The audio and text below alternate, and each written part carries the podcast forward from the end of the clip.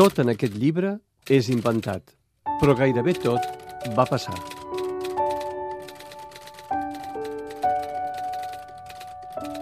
De tant en tant, el carter deixa a la meva antiga adreça una carta del banc a nom d'ella.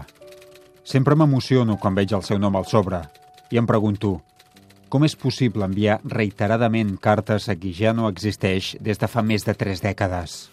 Aquesta història està inspirada en una història real. El reputat periodista Bernardo Kuczynski, que va viure a l'exili durant la dictadura i que avui és assessor del governant Partit dels Treballadors del Brasil, va perdre la seva germana Anna durant la dictadura militar. Anna Kuczynski va desaparèixer el 1974 sense deixar rastre. Una història que ens sembla gairebé familiar, i no per això menys impactant, perquè Kuczynski aconsegueix gairebé penetrar en la ment de les persones i del sistema. Són només 181 pàgines. Estan dividides en 28 petits capítols. Cada capítol un esforç literari descomunal. No en sobra ni una paraula, no s'estenen llàgrimes fàcils. Sembla fins i tot desapassionat. Al final, però, el lector queda resat, desolat. Les tres morts de K és la dissecció del dolor pur i de la maldat pura. El pare que busca la filla desapareguda no té por de res. Si al començament actua amb molta cautela, no és per temor, sinó perquè, atònit, encara tempteja com un sec el laberint inesperat de la desaparició. Després, quan han passat molts dies sense respostes, aquest pare alça la veu. Angoixat, ja no xiu-xiueja. K és un reputat poeta jueu que escriu i es relaciona amb cercles jiddisch del Brasil. Va arribar al país fugint de Polònia, on ja va viure la repressió. Primera mort. Un dia la seva filla, professora de química, desapareix. Primer la incertesa, deu haver tingut un accident? Després la incredulitat. La filla treballava amb la resistència i tenia una vida secreta i paral·lela. Després la incomprensió de l'entorn i les cares de menyspreu. Ah, però era comunista. Després la muralla de silenci. És com si la filla no hagués existit mai. Sota la dictadura militar, l'Estat es converteix en un xuclador de persones. A les persones les desapareixen.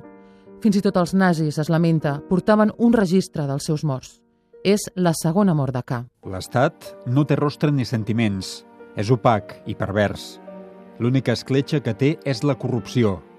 Però a vegades, fins i tot aquesta, es tanca per raons superiors. I llavors, l'Estat es torna doblement maligne, per cruel i per inabastable. Lágrima por lágrima.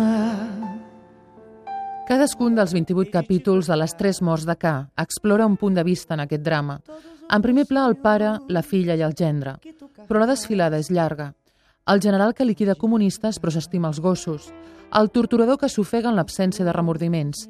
La noia que neteja les cambres de detenció i les sales d'esquarterament i que ja no pot dormir.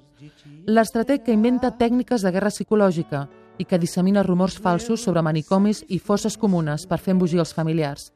El confident, que és el farmacèutic de la cantonada. El dissident clandestí que afronta el dilema de la pròpia mort.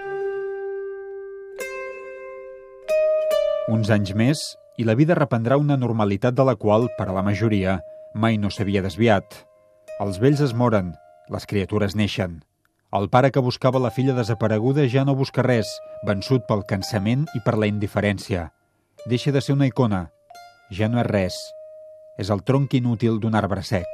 I els torturadors, que viuran en la impunitat fins a l'últim dia.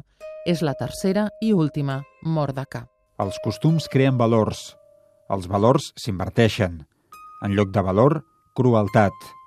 El deshonor en lloc de l'honor. El poble pobre com a enemic. La maldat portada a l'infinit.